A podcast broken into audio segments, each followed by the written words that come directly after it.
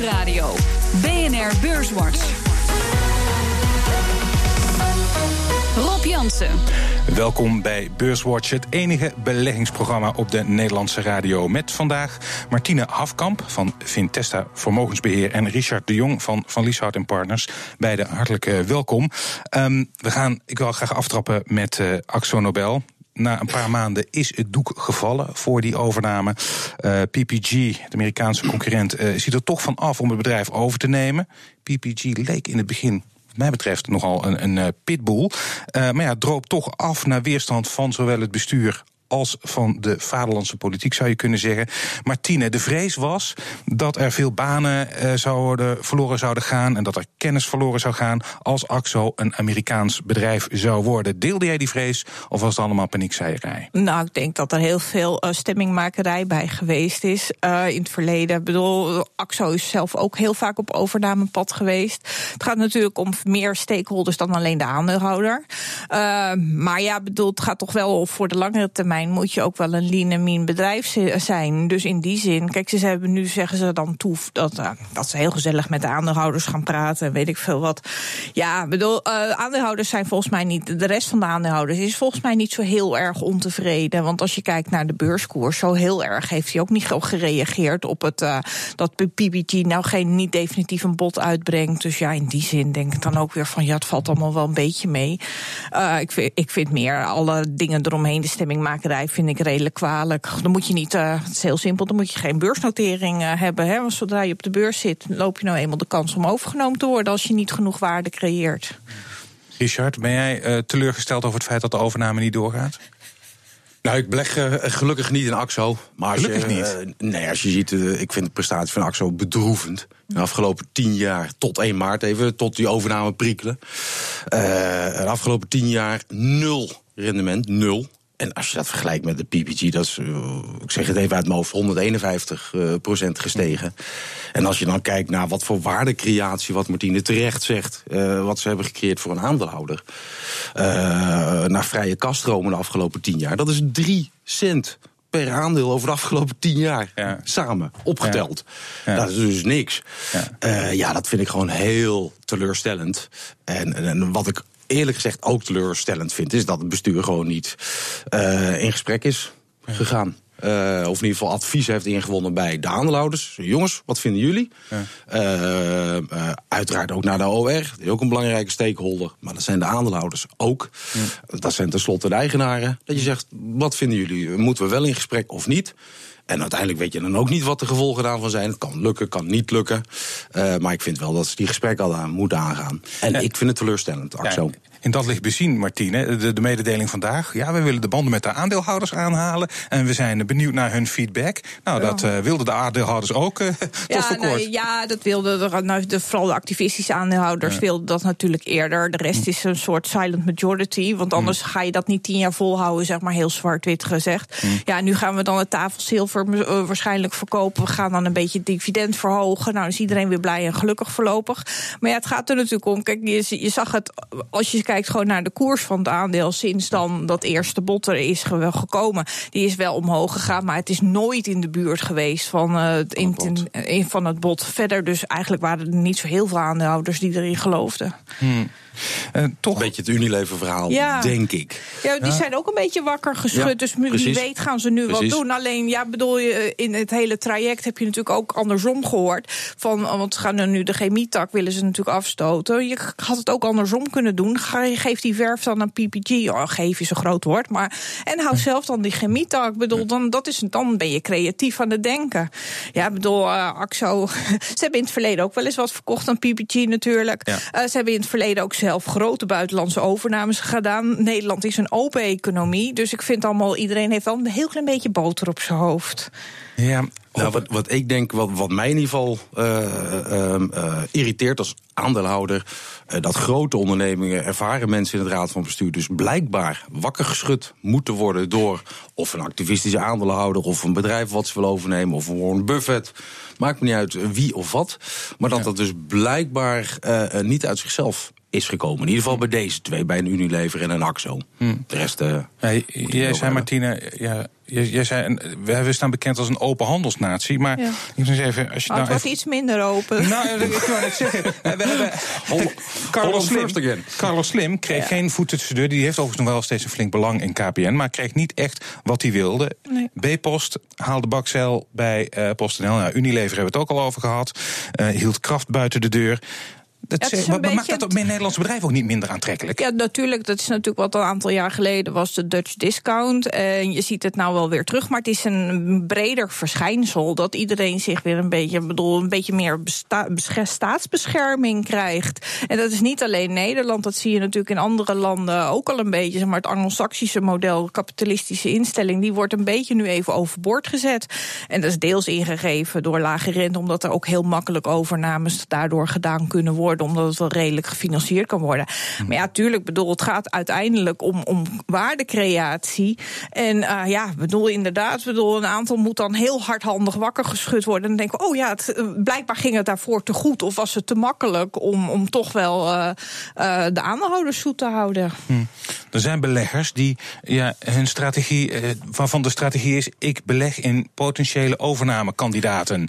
Ja. Die moeten in Nederland, die, moeten, die kunnen Nederlandse fondsen denk ik beter links laten liggen, of niet, Richard? Nou, de potentiële overnamekandidaten blijven er altijd. Met name het woord potentieel. je weet nooit of het echt gebeurt, maar, ja, goed, maar ik, ik vind het een hele gevaarlijke strategie trouwens hoor, even dat we zeiden. Ja. Nou, ik vind jullie toch maar, maar ik ben het wel eens. Ik vind, ik vind het echt een kwalijke zaak uh, dat er uh, mogelijke overnames gewoon ruksigloos niet doorgaan. Vaak zonder een gesprek met elkaar. Het kan zijn dat je er niet uitkomt. Uh, maar vaak zelfs die stap is geen eens nee, genomen. Je gewoon gelijk de deur dicht. Het, meteen al. Ik wil niet met jou op gesprek. En dat vind ik raar. Ik wil, ken jou niet. Nee. nee, maar het is ook natuurlijk hetzelfde dat dan zo'n bedenktijd ingevoerd gaat worden. Ik bedoel, we hebben allemaal fiscale voordelen wereldwijd ja. Eh, voor allerlei soorten grote bedrijven ingevoerd. En dan gaan we vervolgens gaan we dan dit doen. Ja, ik denk, oh, waar zijn we nou helemaal mee bezig? Om dan ja. in die termen te blijven. Nou, dan had je niet naar de beurs moeten gaan. Nee, Volgens precies. mij zei je net ook, Martine. Dat, dat, dan moet je maar niet naar de beurs. Dan moet je gewoon liever een leuk MKB-bedrijf blijven of een, uh, in private handen. Ik bedoel, dan is het allemaal prima. nog even terug ook naar wat je net zei over die koers van bijvoorbeeld AXO. Die blijft eigenlijk een beetje zo uh, redelijk liggen. Die klapt niet in elkaar nadat uh, het bot is afgeketst. Um, Unilever is volgens mij zelfs doorgestegen. Ja, enorm. Ja, enorm, enorm. doorgestegen. Met name dat laatste. Hoe verklaar je dan? Dus meer nou, dat is ook sectorbreed. Ja. Uh, heel de sector is hard aan het stijgen. Heel de beurs is aan het stijgen, maar ook heel de, de uh, consumentensector is hard aan het stijgen. En Unilever heeft natuurlijk ook uh, populaire maatregelen genomen. Ja. dividend op korte termijn weliswaar, maar het zijn wel populaire maatregelen. en nogmaals, sectorrotatie. beleggers vinden het weer een fijne sector, dus dan zie je dat de beurskoers stijgt. Ja. Um, van een heel andere orde, nog even, maar toch. John de Mol, lijkt wel een echte pitbull te zijn. Het consortium van Mediahuis en de familie van Puijenbroek heeft de meerderheid in handen, maar wil niet verkopen aan de mol. Die laatste biedt wel meer, 6,5 euro. Um, ehm, 50 cent meer dan het consortium. Martine, John de Mol lijkt kansloos. Waarom doet hij dit, denk je? Ja, ik heb geen idee. Ik kan niet in zijn hoofd kijken. Hij wil het blijkbaar heel graag. Maar dan denk ik denk dat hij te lang heeft gewacht. Of uh, zeg maar, dus iets te veel gegokt. Maar ja, bedoel, volgens mij is toch als de meerderheid van de aandeelhouders iets anders wil, dan ben je toch ook een beetje klaar, lijkt mij. Dus ik weet niet wat erachter zit. Richard? Ja, ik, ik, vind het ten eerste vind ik het wel stoer dat hij het doet. Ja. Uh, maar het is wat Martine zegt, volgens mij een kansloze missie. Want je krijgt max 40 procent. meerderheid van de aandeelhouders beslist. En die hebben 60 procent. Ja. Dus ja, ik, uh, ik zie het niet gebeuren. Plus een bedrijf dat uh, in zeg maar een decennium tijd, de grootste krant in ieder geval, de helft van zijn abonnees heeft zien teruglopen. Merkwaardig dat juist om, om zo'n bedrijf zo'n verder ja, Misschien wel juist daarom, want hij heeft er wel een bepaalde visie en een bepaalde strategie achter. Uh, dus juist een bedrijf wat het moeilijk heeft, misschien is die daardoor in geïnteresseerd. Maar los daarvan, ik zie het niet gebeuren als de meerderheid zegt nee. Hm. Ja, kijk, die beurskoers was natuurlijk hartstikke aan het dalen. Ja, dus hij heeft gewoon iets te lang gewacht, denk ja. ik, met uh, inslaan of wat dan ook. Ja, en toen was er een andere kaper op de kust. Hm, ja, pech voor een op zich gehaaide belegger, zou je kunnen zeggen. Ja, nou ja, ik weet niet wat voor konijn er misschien nog uit de hoge goed komt bij hem. Maar uh, het lijkt mij inderdaad ook. Ja, met, we zeiden het al. Met Post had hij, PostNL uh, had hij ook een, een pechje. Zo maar ja, ja, dat is waar. Hij niet. misschien moet hij zich tot zijn eigen bedrijven beperken. Um, Na de reclame dan praten we verder onder andere over de Amerikaanse economie. Die lijkt af te koelen. Wat betekent dat voor het rentebeleid? En de Britse verkiezingen komen aan bod. BNR Nieuwsradio. BNR Beurswatch. We gaan het hebben over de Amerikaanse economie en niet te vergeten de verkiezingen in Groot-Brittannië. Dat doe ik met Martine Hafkamp van Vintessa Vermogensbeheer en Richard de Jong van Van Lieshout en Partners. Uh, voordat we dat uh, doen, uh, nog even een korte stand van zaken. De AEX sloot op 526,7 punten, een min van 0,2 procent. Um, als we kijken naar de stijgers. Stijgers. Philips was de grootste met een plus van ruim 2% gevolgd door Unibail Rodamco 1,8% erbij in een week tijd en Albers Industries 1,2% uh, hoger. En het midcap aandeel dat het het beste deed was Philips Lighting met een plus van 5% Dalers. Dalers. ArcelorMittal 5,6% eraf in een week. SBM Offshore 3% lager. En ABN AMRO 2,4% eraf. En in de midcap was OCI de grootste daler met een min van 3,8%. Als we dat lijstje zo bekijken, uh, Richard, uh, wat valt je op? Wat nou, dat Mietel zo hard wordt afgestraft van de 26 uh, een paar maanden geleden nu naar de 18, 19 euro. Was ook gigantisch hard gestegen. En zie je, wat mij betreft, uh, is, is Mietel een heel mooi voorbeeld van de overdrijvingsfase. In mm. positieve en in negatieve zin van de beurs. Mm. En zitten er jouw uh, winnaars bij in nou, deze de winnaars, maar we beleggen al heel lang in, in Philips. Dat vinden we gewoon een heel mooi bedrijf. Zeker nu ze meer naar de gezondheidssector zijn gegaan, vinden we dat gewoon een heel mooi bedrijf. Mm, en spring jij er ook goed uit deze week? Ik spring er uh, al weken goed uit, eigenlijk het hele jaar al. Ja? Dus ja, we beleggen natuurlijk niet voor een week. Ik nee. zit wereldwijd gespreid, dus ik mm. kijk niet per se alleen naar de AX. Mm. Ik bedoel, uh, ja, nee, het is gewoon een, op zich een. Ik bedoel, aan het begin van het jaar hadden we niet kunnen denken dat het jaar zo goed van start zou kunnen gaan. Nee, dat is waar. Um, dat is, uh, staat uh, in schil, of niet in schil contrast kan je zeggen, maar wat opvalt is wat je eigenlijk al langer ziet, hè, dat die uitslagen zo heel erg beperkt zijn. Ja, dus de laatste twee weken eigenlijk. Hè. We ja. zijn nu een beetje zijwaarts aan het bewegen, maar ja. in, aan het begin van het jaar was natuurlijk allemaal, uh, bedoel, waren er zoveel beren op de weg die gezien werden door deze en gene, maar het mm. lijkt allemaal tot nu toe allemaal net het goede, de goede kant op te vallen. Mm. Ja, en je hebt nog steeds heel weinig alternatief hè, voor aandelen. Die rente, dat doet niet zo heel veel, dus je moet toch eens kijken waar je nog wel wat rendement kan halen. Hm. Nou, dan kun je kijken naar de fix, naar die bewegelijkheid. Ja. Dat is gewoon ja. het laagste punt, bijna op een paar ja. puntjes na. In 20 jaar. Ja. Maar gegeven alle beren waar Martine over heeft, kun je wel afvragen. Goh, dat is wel merkwaardig. Ja. Nou ja, wat misschien nog voor de AX, daar zit natuurlijk Shell in die zwaar weegt. Die, ja, maar dit geldt wereldwijd, die lage bewegelijkheid. Niet alleen AX, nee, dat ook klopt. voor... Uh, alles, ja. Nee, dat klopt. Maar uh, Shell krijgt nu wel uh, een flinke tik. Vandaag was ook uh, de ene grootste daler in de AEX. Door die lage olieprijs, kan dat nog een probleem worden voor de komende periode, verwachten jullie? Nou ja, bij het eerste kwartaal, wat de vergelijkingsbasis gaat natuurlijk altijd om. Nou, de, die was voor het eerste kwartaal voor al die grote oliemajors was die juist weer heel gunstig. Ja, nu is die weer een beetje aan het rommelen. Ik bedoel, ja, bedoel, dat zal nog wel even blijven. Kijk, de OPEC beslist natuurlijk, want die kan wel leuk van allerlei productiebeperkingen besluiten tot uh, daartoe besluiten. Maar ja, de olieprijs wordt toch meer door de Verenigde Staten bepaald. En dat blijkt iedere keer weer. En de olieprijs is ten opzichte van vorig jaar, ja. Q2, is die gewoon nog uh, een stuk hoger. Hè? Ja. Moet je niet vergissen. Ja.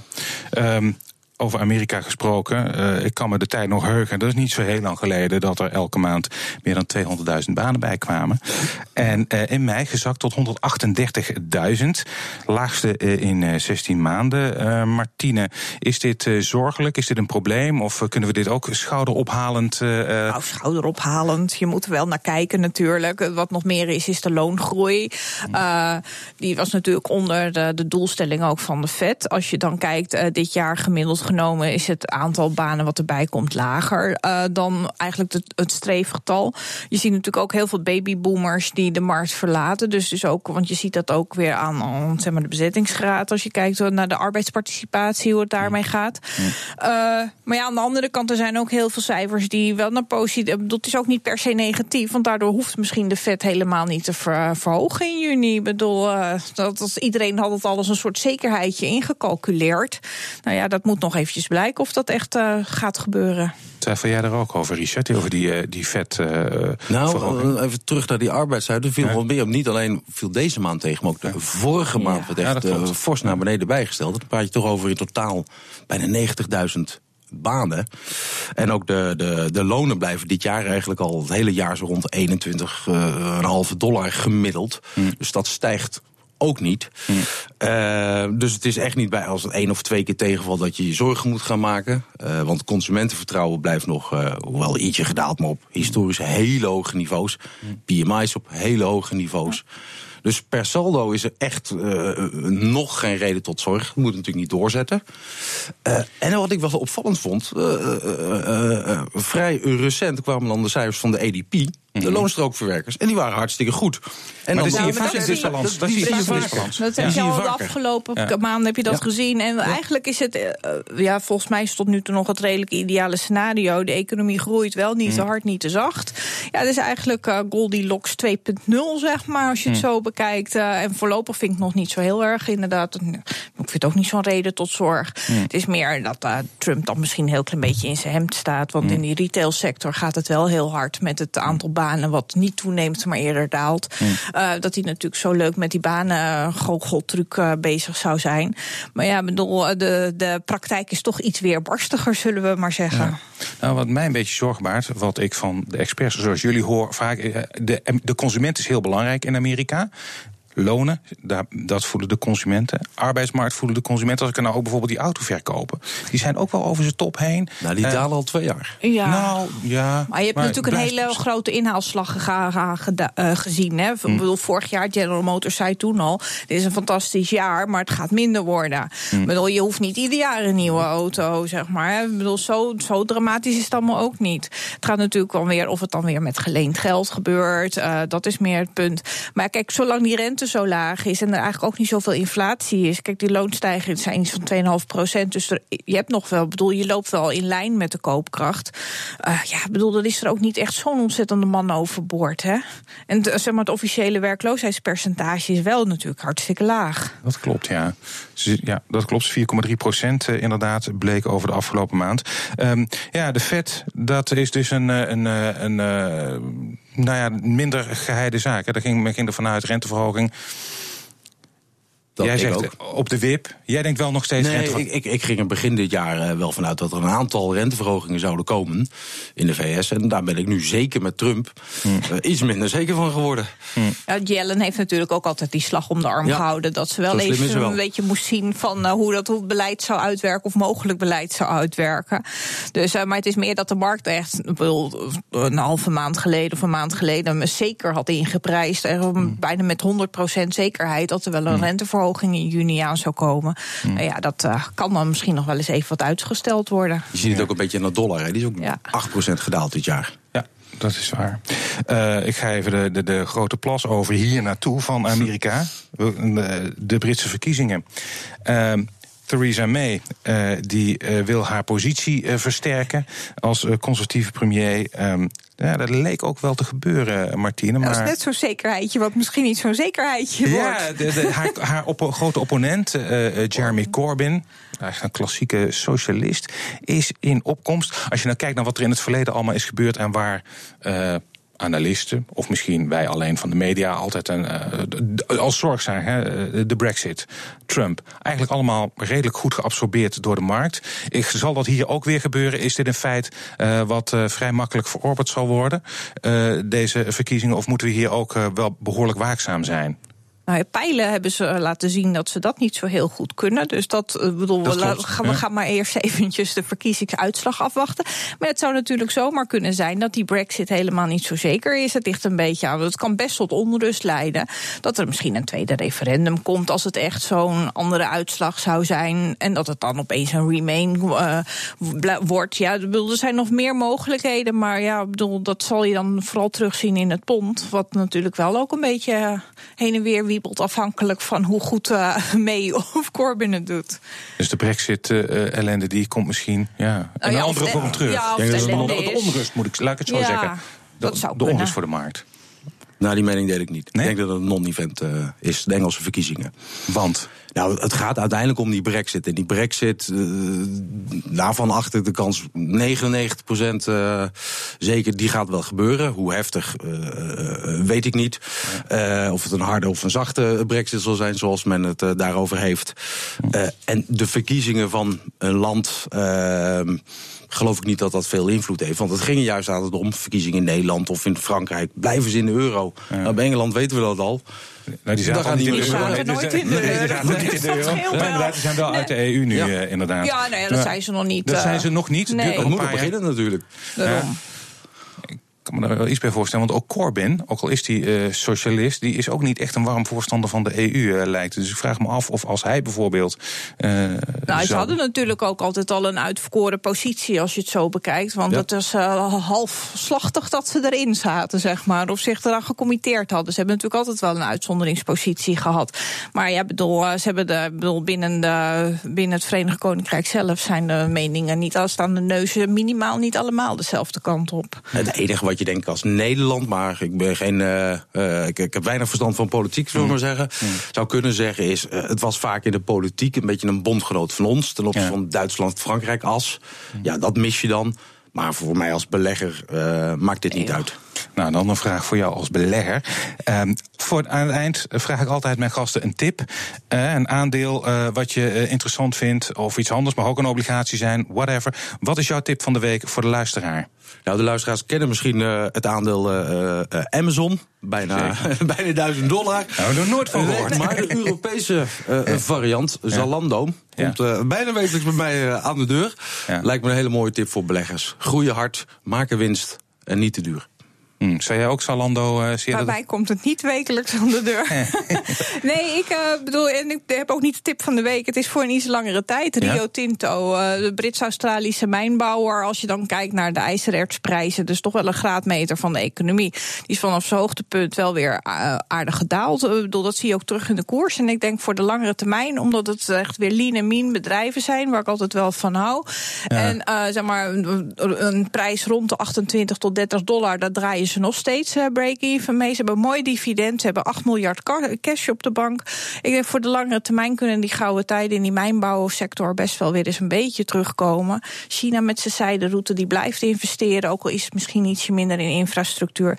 Wie weet krijgt Trump nog eens wat voor elkaar. Nou, dan kunnen, gaat u wel ook heel graag in die infrastructuur. Nou ja, dan, uh, dan kan er zomaar eens wat meer uitkomen weer. Zalando en Rio Tinto. Uh, ik zeg het goed, hè? Ja, Rio Tinto. Vroeger heette Rio Tinto Zink. Uh, Ja, ja, maar ik zeg het gewoon lekker op zijn Nederlands, joh. Ja, precies. Um, we zijn uh, aan het einde gekomen van deze aflevering van Beurswatch. Ik dank mijn gasten van vandaag hartelijk. En dat waren Martine Afkamp van Vintessa Vermogensbeheer en Richard de Jong van Van Lieshout en Partners. Volgende week is er natuurlijk weer een Beurswatch. Deze uitzending die kunt u naluisteren op de website van BNR of via de BNR-app. Heeft u nog vragen, dan kunt u een tweet sturen naar Rob Jansenbeurs of BNR. En dank voor het luisteren.